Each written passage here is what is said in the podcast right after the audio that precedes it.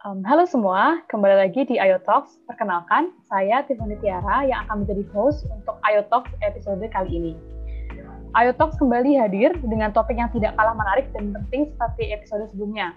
Jadi kalau di episode pertama kita sudah membahas isu pendidikan, di um, episode kedua kita sudah membahas uh, mengenai keterkaitan antara teknologi dan peran perempuan, dan di episode ketiga kita sudah membahas soal um, kewirausahaan. Nah, hari ini, iTalks pada episode kali ini akan menyoroti isu lingkungan, khususnya peran organisasi pemuda untuk melakukan inisiatif uh, dalam menyelamatkan lingkungan. Nah, untuk mengupas isu tersebut lebih dalam, uh, eh, iTalks hari ini kehadiran tamu spesial yang tentunya um, punya pengalaman di isu tersebut, uh, yaitu adalah Kak Ivana Suraja sebagai Head of Ayo Enviro. Um, selamat datang Kak Ivana. Halo Tiffany, terima kasih ya udah ngundang kami dari Enviro buat ikutan podcast hari ini. Oke, um, thank you banget Kak pertama-tama mungkin dari iTalk sudah mau hadir di um, podcast ini. Um, di sini kita bakal berbagi soal mungkin um, ada kita akan mengulik soal isu lingkungannya terkhusus, tapi kita juga pengen lebih tahu soal Ayo Enviro itu apa. Mungkin sebelum kita masuk lebih jauh, boleh Kak uh, perkenalan singkat dulu deh gitu, dari Kak Ivan. Oke, nama saya Ivana Suraja, uh, biasa dipanggil Ivana. Saat ini saya sedang bekerja di sebuah NGO yang bergerak di bidang konservasi alam. Walaupun saya bukan menjadi ilmuwan atau tim konservasinya, saya um, saya lebih fokus ke penggalangan dana untuk mensupport program-program konservasi. Dan saya sudah bergabung di AYO ya. Jadi sebelum masuk ke AYO Enviro, saya sudah bergabung di AYO sejak tahun 2019 dan saat ini dipercayakan untuk menjadi Head of AYO Enviro. Kurang lebih seperti itu, Tiffany. Oke, jadi mungkin dari um, penjelasan dengan cerita Kak Ivana tadi, mungkin dari uh, pendengar juga udah bisa kebayang nih, oh Kak Ivana memang secara background emang apa ya punya interest ya Kak di bidang di isu-isu lingkungan gitu dari uh, pendidikannya, yeah, dari pekerjaannya gitu ya Kak. Iya betul. Tapi memang memang saya juga senang sih dengan topik lingkungan, gimana kita bisa membantu menjaga alam gitu. Mm-hmm. Oke, okay, menarik banget. Nah, uh, mungkin nanti kita bahas soal isu lingkungannya berbarengan ya kak dengan um, membahas soal Ayo Enviro itu sendiri. Nah, mungkin okay. uh, pertanyaan pertama, uh, mungkin yang perlu banget dipertanyakan itu sebenarnya adalah apa sih uh, Ayo Enviro itu kak? Oke, okay, jadi um, IO Enviro sebenarnya adalah sebuah subdivisi dari ASEAN Youth Organization yang fokusnya lebih ke lingkungan. Memang karena kita di bawah AYO, jadi pastinya uh, fokus utamanya tetap ke kepemudaan ya. Jadi untuk anak muda di seluruh Asia Tenggara. Uh, akan tapi um, untuk fokusnya sendiri kegiatan-kegiatannya kami lebih banyak berfokus pada lingkungan gitu. Jadi kegiatan-kegiatannya mungkin nggak semuanya yang kayak terjun langsung untuk misalkan melindungi mangrove atau apa gitu tapi uh, baik dari segi edukasi um, dan maksudnya kegiatan-kegiatannya semuanya ada kaitannya dengan lingkungan gitu sih kurang lebih. Oke, jadi um, fokusnya lingkungan, tapi kayak fokus di lingkungannya apakah cuma konservasi aja, apakah cuma di um, edukasi aja tuh nggak ya kak? Kita apa ayah ini lebih luas gitu ya? Jadi sebenarnya kalau kita ngomongin lingkungan sebenarnya luas banget ya. Hmm. ya karena semuanya tuh menjadi bagian dari lingkungan, ya nggak sih? Benar-benar benar. Setuju banget. Nah, kalau dari Enviro sendiri, jadi ketika kita awalnya mendirikan Enviro, dalam membentuk logo juga, kami coba merumuskan gitu kira-kira bagian apa ya dari lingkungan yang bisa kita tap gitu kan. Akhirnya makanya kita mencoba untuk fokus dalam tiga hal, yaitu um, untuk laut, darat, dan udara. Makanya mungkin kalau Tiffany dan teman-teman hmm. melihat dari logo kami itu ada ada huruf E ya yang hmm. melambangkan Enviro nama kami. Uh, lalu dari situ juga ada tiga warna ya yang dibentuk dalam tiga lapis gitu itu untuk melambangkan laut, darat, dan udara. Nah, untuk spesifiknya sendiri kegiatannya seperti apa? Karena jujur kami masih baru banget ya. Kami juga sedang mencoba mengeksplor kira-kira apakah kami akan fokus ke pendidikan saja atau fokus ke misalkan membuat proyek konservasi dan lain sebagainya. Um, sebenarnya kami masih sangat terbuka, jadi masih bisa dibentuk banget. Akan tapi fokusnya ketiga itu aja dulu gitu. gitu sih Tiffany. Oke, okay, I see, I see. Oke okay, kak, um, itu juga karena um, kalau ngomongin soal lingkungan, apalagi sekarang ya kak, kayak maksudnya um, permasalahan lingkungan tuh ada di mana-mana gitu. Kita ngomongin dari di rumah aja ada sampah gitu, apalagi di luar sana ada soal um, pemanasan global, ada um, naiknya apa air laut, jadi kayak sangat kompleks ya kak. Betul. Ya mungkin di satu sisi orang-orang ada yang merasa kayak oh pesimis nih. Soalnya kayak kalau ngomongin hmm. di berita kabarnya yang buruk-buruk terus gitu atau yang sedih-sedih terus gitu. Ya tapi mau gimana lagi gitu kan? Uh, pada akhirnya kita juga butuh gitu kan. Maksudnya istilahnya kalau kita tidak memperbaiki masalah masalah atau tantangan-tantangan yang ada itu akan bakalan terus mempengaruhi kehidupan kita gitu. Jadi kita harus uh, mulai beraksi, kita mulai dari hal-hal kecil aja, dan sebenarnya kita jangan melihat hal yang negatifnya aja, tapi kita bisa melihat hal-hal yang positifnya juga. Oh ternyata dengan kita menjaga alam, dampaknya bisa ABC loh gitu. Makanya uh, kita bisa fokus ke situ untuk menjadi uh, sebuah motivasi agar untuk terus beraksi untuk alam gitu. Oke, okay. um, mungkin itu udah kayak gambar ya teman-teman mungkin mendengar kalau misalnya uh, udah kelihatan nih motivasi dari Ion Fire itu apa. Uh, mungkin tadi kita udah sedikit menggali um, apa itu Ion Fire, mungkin udah sedikit tuh nih kegiatannya apa. Tapi perlu kita tarik dulu nih kak, kira-kira um, bagaimana sih sejarah pembentukannya Ion Fire itu sendiri dan uh, mungkin bisa dieksplor lebih lanjut lagi soal kenapa didirikan, visi misinya apa sih gitu ke depannya. Oke, jadi sebenarnya kalau kita ngomongin sejarahnya, sejarahnya belum terlalu panjang karena Enviro ini masih baru banget ya. Awal mulanya di sekitaran bulan Oktober, saya sempat ngobrol-ngobrol dengan teman-teman di EWO dan um, muncullah ide gitu untuk membentuk sebuah subdivisi dari EWO yang lebih fokus untuk lingkungan gitu. Memang uh, sebenarnya untuk divisi-divisi yang lainnya cukup banyak juga yang sudah mengadakan kegiatan-kegiatan atau proyek-proyek yang berkaitan dengan lingkungan ya. Nah, kan tapi mungkin uh, ke depannya sepertinya isu lingkungan ini menjadi salah satu isu yang cukup besar, nggak cuma di kawasan Asia Tenggara aja, tapi sebenarnya di seluruh dunia gitu ya. Apalagi tapi di Asia Tenggara, di mana kita beruntung sekali kita menjadi salah satu belahan dunia yang kekayaan alamnya tuh sangat kaya gitu. Nah makanya penting banget buat ada subdivisi yang bisa fokus ke situ. Lalu akhirnya di bulan November, di akhir November, jadi udah mau masuk ke Desember, kami mulailah untuk melakukan uh, open recruitment untuk tim pendiri yang awal atau ya founder team gitu. Inilah tim yang akan menjadi uh, tim pertama untuk membantu untuk membentuk Enviro baik dari fondasinya dulu gitu ya. Dari situ uh, kami merekrut beberapa orang yang dengan ilmu dan kontribusinya masing-masing. Hingga saat ini totalnya kami ada 8 orang anggotanya dan uh, kami sedang berusaha untuk terus membuat fondasi yang kuat agar ke depannya juga bisa berkontribusi lebih banyak lagi ya untuk alam di Asia Tenggara.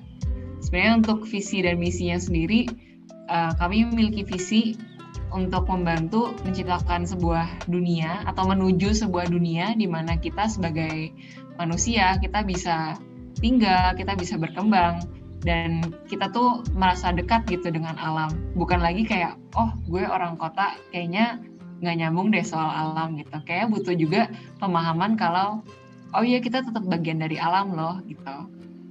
Kalau untuk misinya sendiri kita ada tiga. Yang pertama adalah untuk um, to empower anak muda di kawasan Asia Tenggara untuk ikutan beraksi untuk lingkungan dan nggak cuma di situ aja ya, tapi juga bisa menjadi pemimpin-pemimpin yang justru menjadi penggerak atau motor dari aksi-aksi atau kegiatan-kegiatan untuk melindungi alam.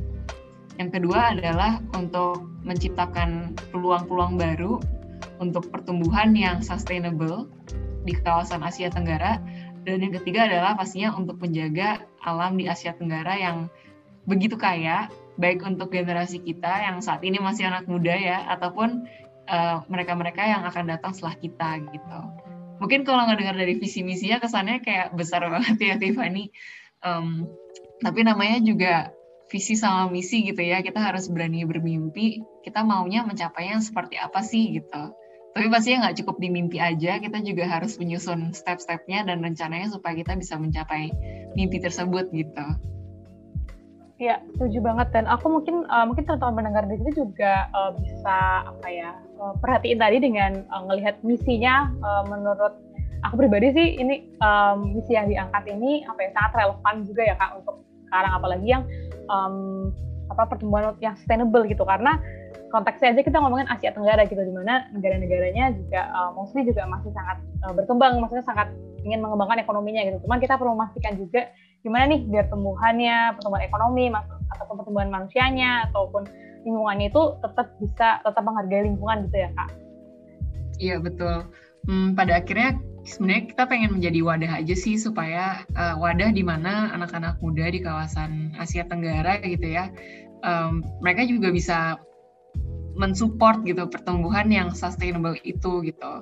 Namun uh, pada dasarnya sebelum kita mencapai situ kita harus ada bagaimana ya bisa dibilang kayak semacam uh, kita harus kita harus memiliki pemahaman yang sama gitu bahwa oh alam itu penting bahwa kita itu bagian dari alam gitu dan mungkin membentuk pemahaman inilah yang kadang jadi yang lebih berat gitu karena karena kalau misalnya ibaratnya kita oh kita terbiasa berpikiran A gitu. Kalau untuk mengubah pikiran seseorang itu kan butuh waktu butuh proses dan nggak semudah itu gitu. Tapi seandainya itu sudah berhasil, nanti akan lebih mudah gitu untuk mewujudkannya melalui tindakan gitu. Oke, iya setuju juga sih kak. Karena um, apa ya ibaratnya itu kayak meningkatkan awareness berarti ya kak. Di sini punya peranan penting uh, yang itu yang ingin dicapai juga dari IO Enviro biar memastikan bahwa oke okay nih uh, aksi untuk uh, menciptakan dunia yang di mana manusia bisa tumbuh uh, dan tinggal dengan bersama dengan alam itu harus memastikan orang semua orang tuh uh, punya awareness yang sama dulu ya kak. Iya betul Tiffany. Jadi memang uh, raising awareness menjadi salah satu PR kami lah gitu ya yang harus dikerjakan. Memang itu nggak mudah gitu ya karena mungkin nggak cuman sekali aja gitu ngomong sama satu orang, terus dia langsung kayak oh ya setuju nih harus menjaga alam gitu. Mungkin itu butuh proses tapi ya itu menjadi PR kita semua bersama nggak cuma buat di Enviro aja sih kalau dari Enviro kami paling menjadi uh, salah satu yang kayak terus support dan terus hmm. mengajak orang untuk uh, semakin aware dan peduli akan lingkungan. Oke, okay. Uh, mungkin itu perlu digarisbawahi ya teman-teman soal awareness. Jadi kalau mungkin teman-teman mendengar di sini yang merasa kayak oke okay nih kayaknya aku juga punya concern yang sama soal um, lingkungan gitu. Aku pengen banget nih meningkatkan awareness um, orang-orang sekitar soal lingkungan. Dan mungkin nanti bisa stay tune sampai akhir podcast ini karena ada info pentingnya gitu. Oke, okay. tadi udah ngebahas ya kak soal um, tik soal Ayo Enviro secara sejarah dan juga fokusnya.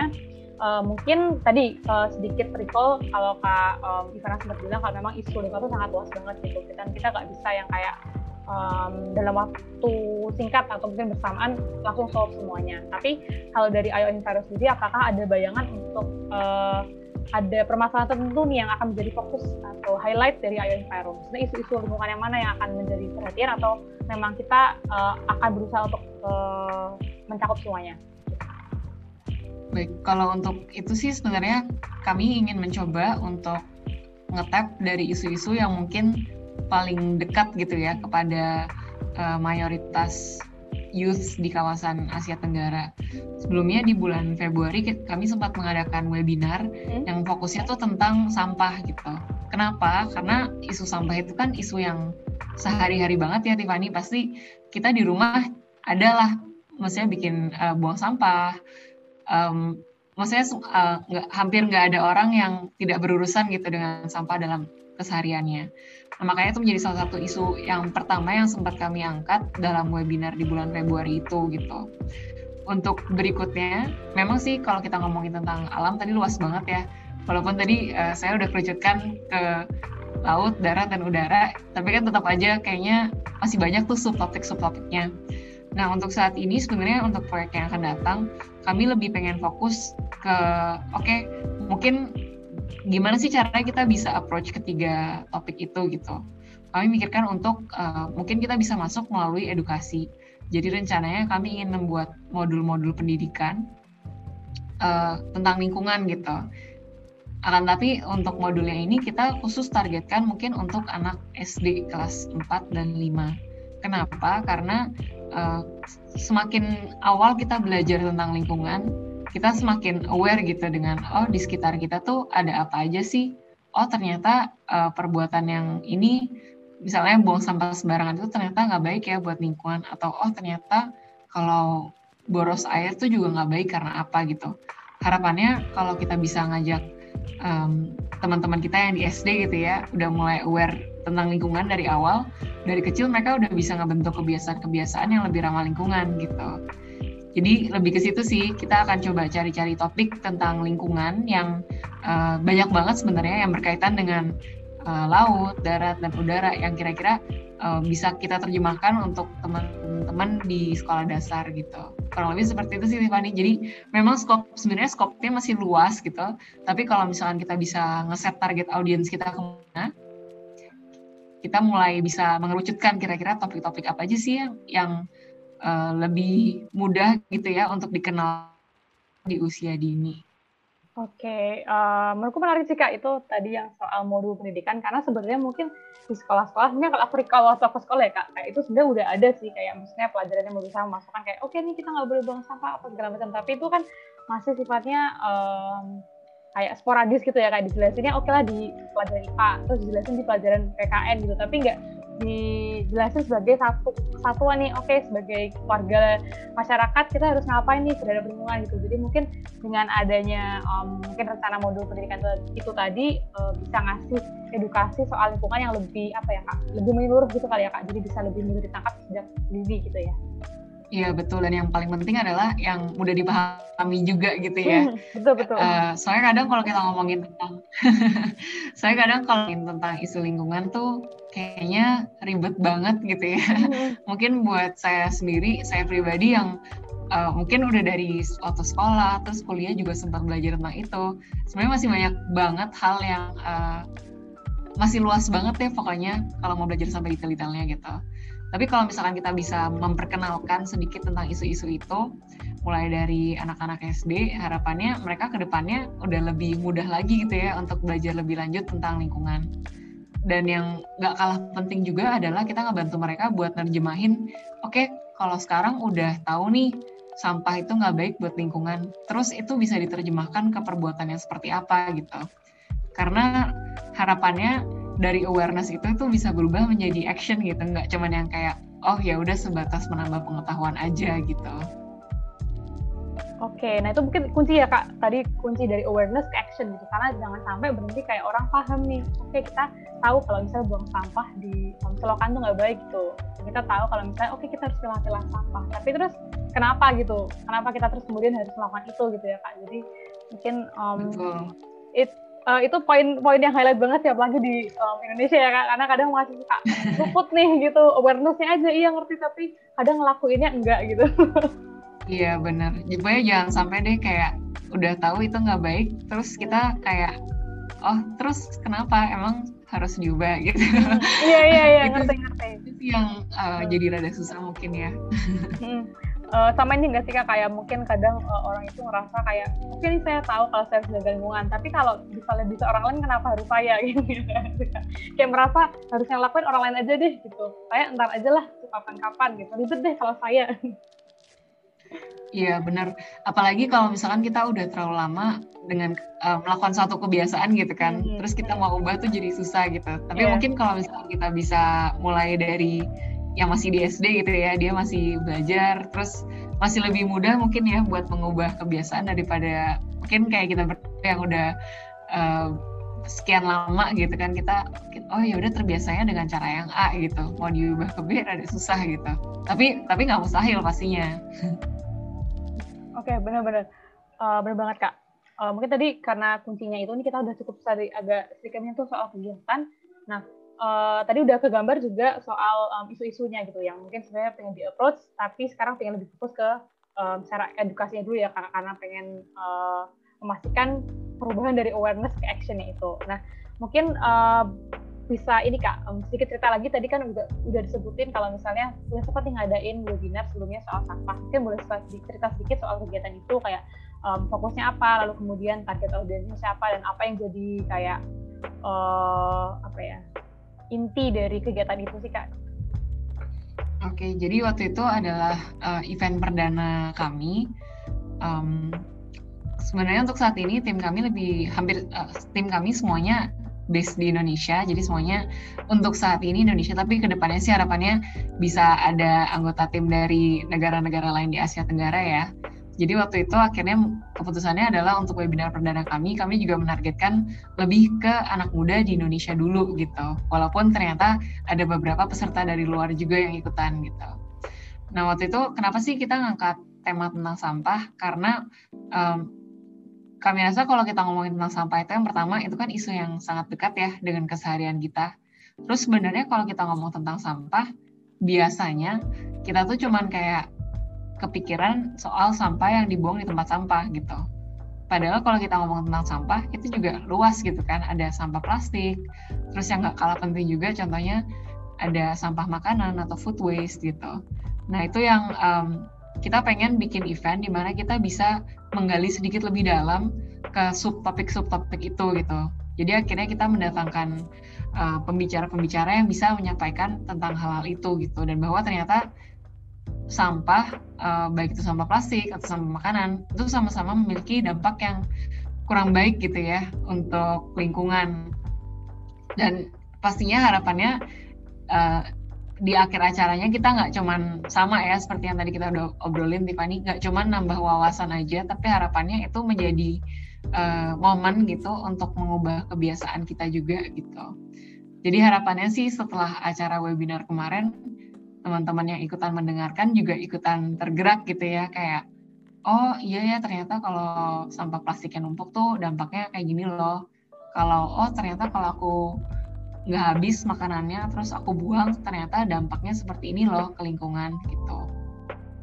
Oke, okay. ya aku juga um, setuju kak karena topik itu cukup dekat apalagi sebagai um, aku yang masih mahasiswa ya kak. Apalagi waktu kok recall dulu waktu di kos-kosan tuh kayak aduh uh, mengelola sampah sebagai anak kosan tuh susah gitu. Karena um, oke okay lah di, saya di saya sendiri di kamar bisa milah-milah sampah. Tapi belum tentu teman kos kita atau mungkin penjaga kos gitu maksudnya itu ngebisahin. Jadi um, apa ya uh, perlu awareness yang luas tadi sih di isu sampah ini gitu. Belum juga kayak apalagi kalau anak kuliah kan juga kadang makan-makan makan banyak tapi nggak berarti ini ada food waste-nya gitu. Kalau makannya nggak dihabisin gitu gitu ya kak Iya betul. Kalau kalau saya pribadi ya prinsipnya tuh lebih uh, mungkin lebih baik mencegah daripada udah kejadian terus kita berusaha menanggulangi gitu ya.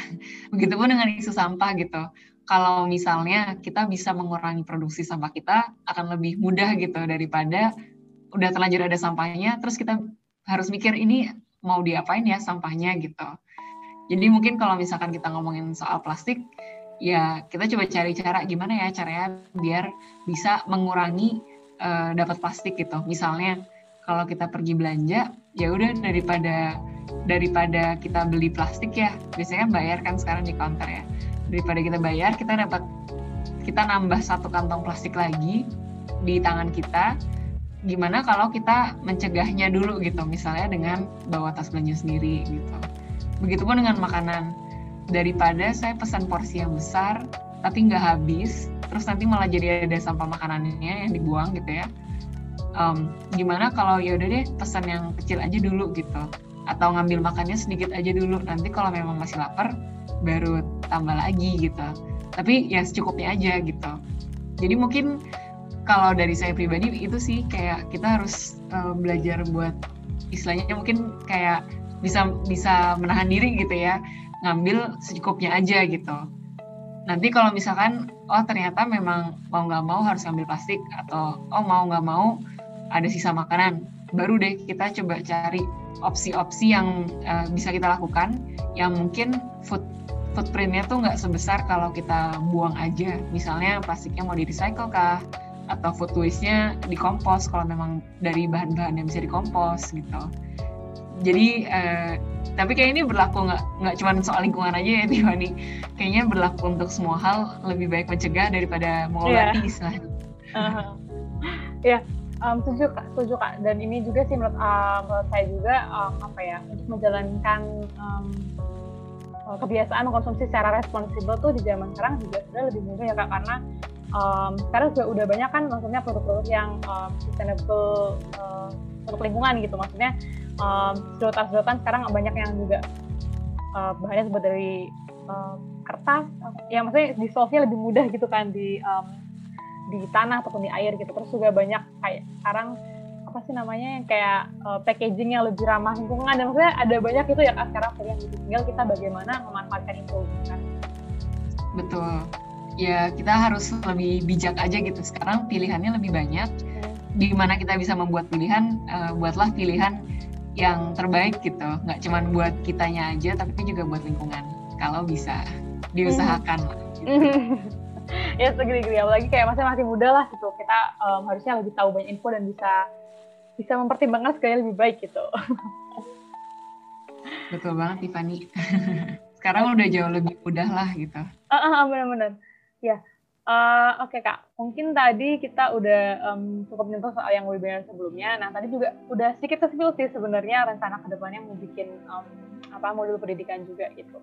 Nah, um, tapi kalau dari uh, Ayun Cairo sendiri, uh, kira-kira media kegiatan seperti apa nih yang ke depannya juga ingin dilakuin itu? Apakah kan mungkin sekarang karena masih pandemi ya kak, jadi kita mau nggak mau memang ya uh, mungkin kegiatannya masih dibatasi webinar ataupun karena sifatnya yang uh, belum bisa ketemu langsung gitu. Nah, apakah nanti kalau misalnya hopefully hopefully uh, pandemi uh, sudah berakhir ataupun kondisinya sudah jauh lebih baik, apakah uh, Enviro ini sendiri juga pengen nih um, apa ya melakukan kegiatan secara offline dan itu kegiatannya apa nih kak ke depannya?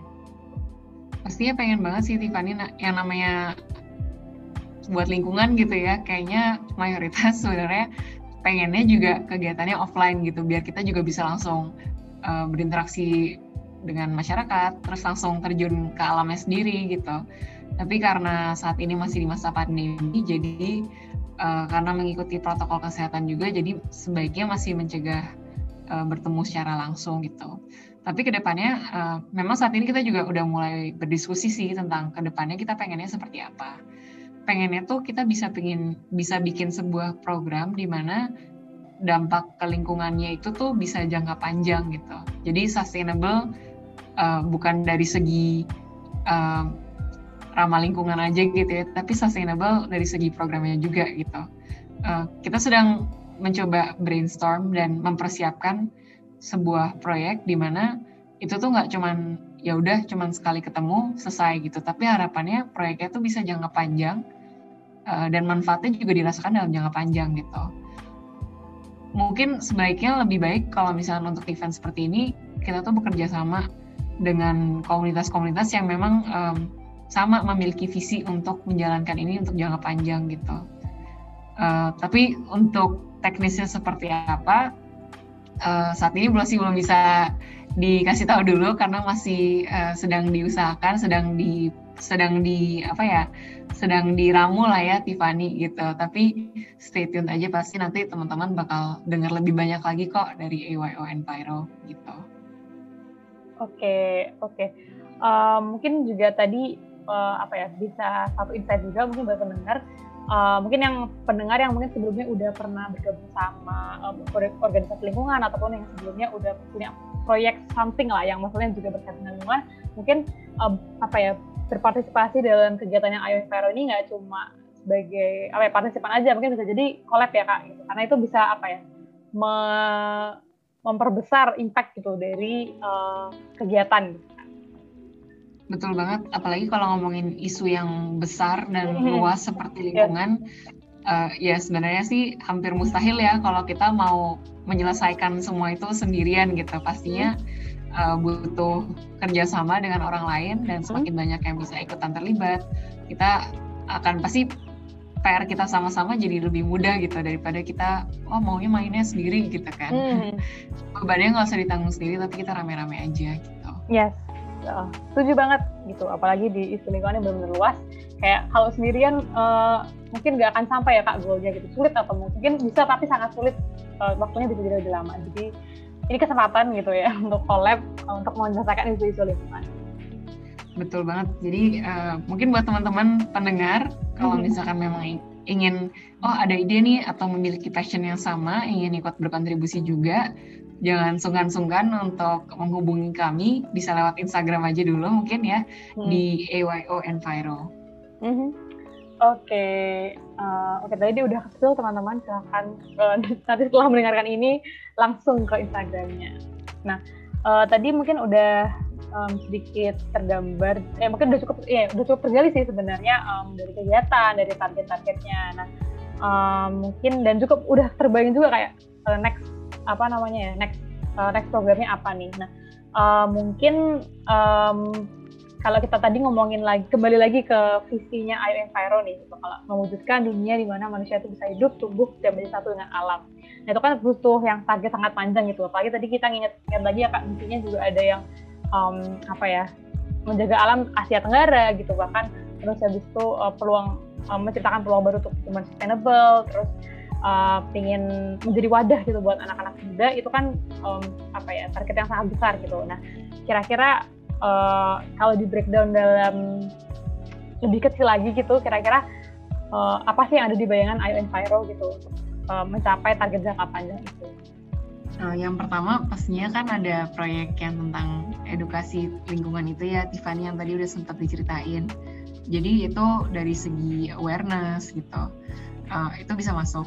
Sebenarnya kami tuh pengen membuat sebuah program pemberdayaan masyarakat juga di mana kita juga bisa kerjasama dengan komunitas-komunitas dalam jangka panjang. Mungkin um, untuk teknisnya seperti apa, kita juga sedang menggodok saat ini, tapi mungkin lebih kayak um, mungkin mengolah suatu sesuatu dari alam gitu ya dengan cara yang sustainable supaya um, masyarakat sana mereka juga bisa maju secara ekonomi gitu. Dan di saat yang bersamaan alamnya juga nggak rusak. Kadang kalau misalkan kita ngomongin tentang lingkungan eh, orang-orang tuh berpikir bahwa oh untuk menjaga alam kita harus mengorbankan misalnya pertumbuhan ekonomi gitu. Tapi sebenarnya kan nggak kayak gitu ya. Sebenarnya uh, kita bisa cari jalan tengahnya di mana oke okay, secara pendapatan tetap oke okay, gitu tetap berjalan. Tapi lingkungannya juga nggak yang terus malah dirugikan gitu memang itu jadi rada PR jadi hmm. lebih rumit hmm. tapi nggak mustahil tapi uh, jadi sebenarnya dari dari AYO Enviro salah satu harapan kami adalah bisa membentuk proyek yang seperti itu. Tapi pastinya untuk mencapai situ itu butuh proses yang lebih panjang hmm. karena itu proyeknya juga lebih rumit gitu ya. Hmm. Dan harapannya nantinya kita nggak nggak cuma bisa mengimplementasikan proyek seperti itu dengan satu komunitas aja, tapi harapannya dengan bermacam-macam komunitas di seluruh Asia Tenggara gitu supaya kita bisa sama-sama maju gitu nggak cuman yeah. oh cuman komunitas di tempat A aja iya. gitu gitu sih dan pengennya um, lebih banyak anak muda juga yang ikutan terlibat proyek seperti ini gitu karena pastinya ini akan lebih uh, gimana ya butuh sesok butuh orang-orang yang harus bisa involve dalam jangka panjang dan juga dalam uh, involve lebih intensif gitu ya. Um, mungkin seperti itu gambarannya. Untuk detailnya seperti apa saat ini masih kami ramu juga. Hmm. Karena itu dia, kami juga hati-hati ya kayak soal lingkungan nggak pengen yang kayak oh melakukan kegiatan A yang kelihatannya bagus nih untuk hmm. lingkungan, tapi ternyata kalau kita analisa lebih dalam bagusnya misalnya cuma sementara gitu atau hmm. oh ini dampaknya kurang mendalam gitu. Hmm kami kan pengennya harapannya sih bisa membuat impact yang mendalam dan jangka panjang. Jadi uh, ini juga butuh persiapan yang matang. Jadi pelan-pelan pastikan konsepnya matang dan harapannya nanti implementasinya juga bisa segera ya nggak nggak yang harus nunggu bertahun-tahun mm, gitu. Yeah. Tapi lagi-lagi itu kayak um, mungkin kita lebih mau mengedepankan kualitas ya.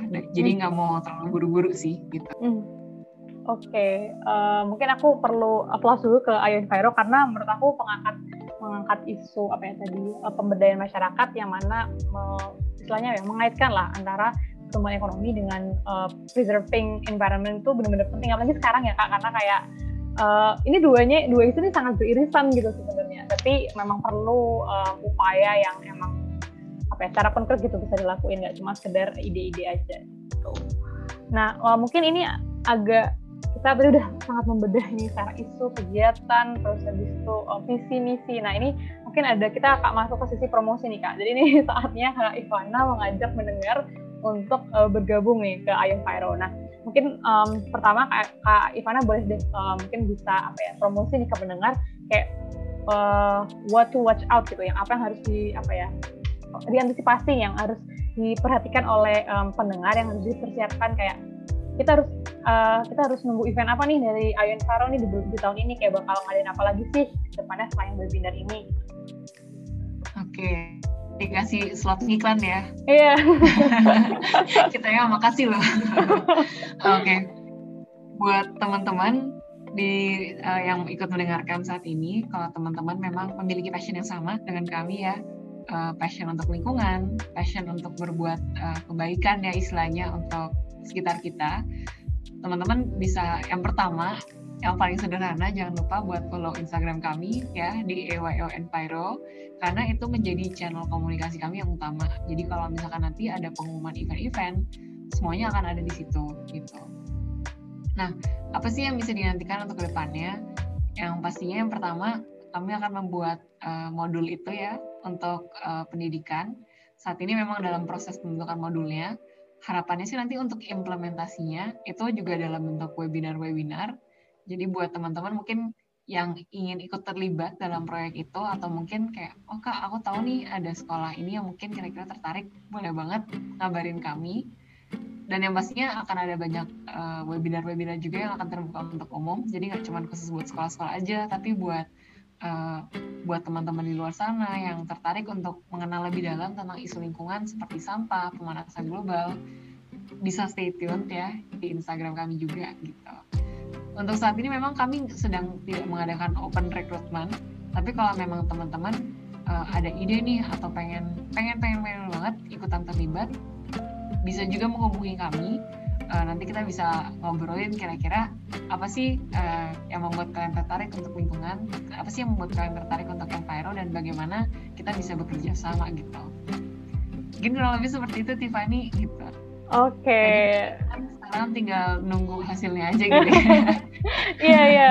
Jadi um, tadi udah diajak udah dipromosi bahkan udah di apa ya dikasih ancang-ancang nih siap-siap nih kita mau bikin modul pendidikan. So, mungkin barangkali yang udah tertarik um, di isu ini plus kayak tertarik juga dengan kegiatannya uh, bisa tadi gabung ke Instagramnya terus atau mungkin approach langsung ya kak ke ayat Nah, one last question uh, mungkin ini untuk semakin meyakinkan lagi gitu. Kalau misalnya ada keraguan gitu uh, dari uh, pendengar, kalau misalnya kayak mempertanyakan, ah kak ini harus uh, anak dari background saintek nggak?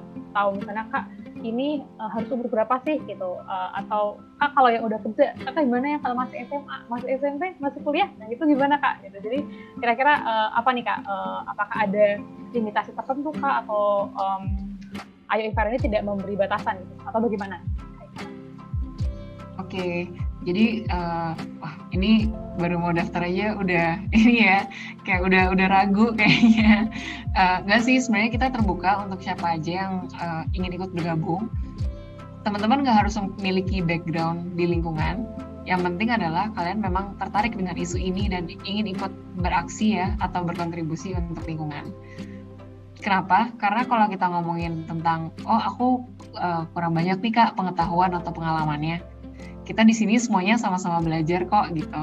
Mungkin walaupun aku udah sempat belajar nih tentang uh, lingkungan waktu sekolah atau kuliah, ternyata masih banyak banget hal-hal lain yang uh, aku juga masih harus pelajarin gitu. Jadi nggak usah minder, nggak usah ragu. Kalau teman-teman ikutan bergabung di Enviro, kita semua belajar sama-sama.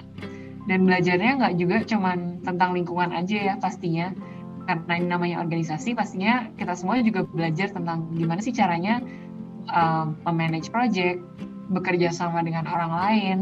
Mungkin kalau teman-teman nanti jadi PIC de, uh, dari sebuah tim gitu ya, atau mengep mengepalai suatu project, kita juga belajar buat gimana sih caranya menjadi leader yang baik gitu. Jadi tenang aja, di sini teman-teman uh, kita semua sama-sama belajar, kita sama-sama berkembang, dan kita akan maju sama-sama gitu. Uh, sedangkan kalau misalnya tadi kayak oh kalau aku udah kerja gimana kira-kira boleh atau enggak ini semuanya uh, terbuka ya buat teman-teman semuanya.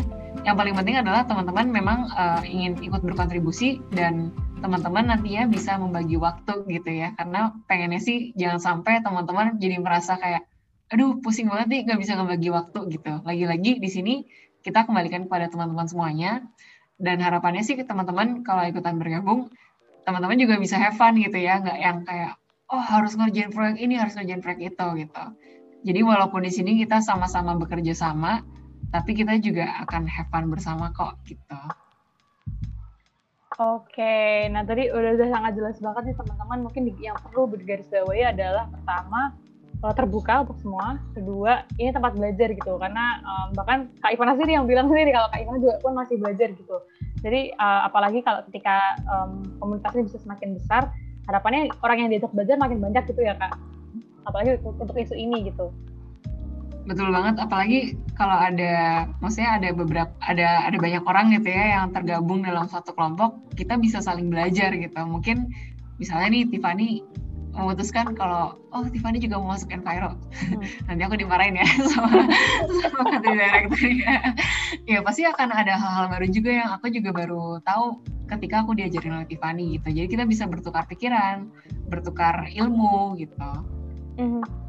oke okay, jadi um, lagi teman-teman mendengar semuanya tadi mungkin kontribusinya bisa banyak banget bisa bergabung langsung atau mungkin yang udah sebelumnya udah punya proyek tapi mau kolaborasi. Jadi um, sangat luas kesempatannya. Uh, mungkin um, that's all for the question. Uh, mungkin dan itu juga akhir dari um, Ayo Talks kita hari ini yang membahas soal peran pemuda uh, khususnya di isu lingkungan gitu. Hopefully uh, pendengar bisa mendapatkan insight baru atau mungkin bahkan lebih penting lagi tertarik gitu bergabung dengan Ayo Infaro. Oke. Okay. Sekali lagi terima kasih Kak Ivana untuk waktunya. Thank you for sharing. Terima kasih juga Tiffany dan teman-teman semuanya yang sudah ikutan mendengarkan. Ya, yeah, um, hopefully nanti Ayo Talks, eh, Ayo, Ayo Talks uh, ini bisa jadi gerbang ya kak buat teman-teman uh, yang buat bergabung dan semoga Ayo Enviro bisa semakin berkembang lagi dan bisa tercapai kak Amin. Oke, okay. oke, okay, that's all um, mendengar. Uh, thank you from us, uh, Ayo Talks, and see you on the next episode. Bye-bye. Makasih semuanya.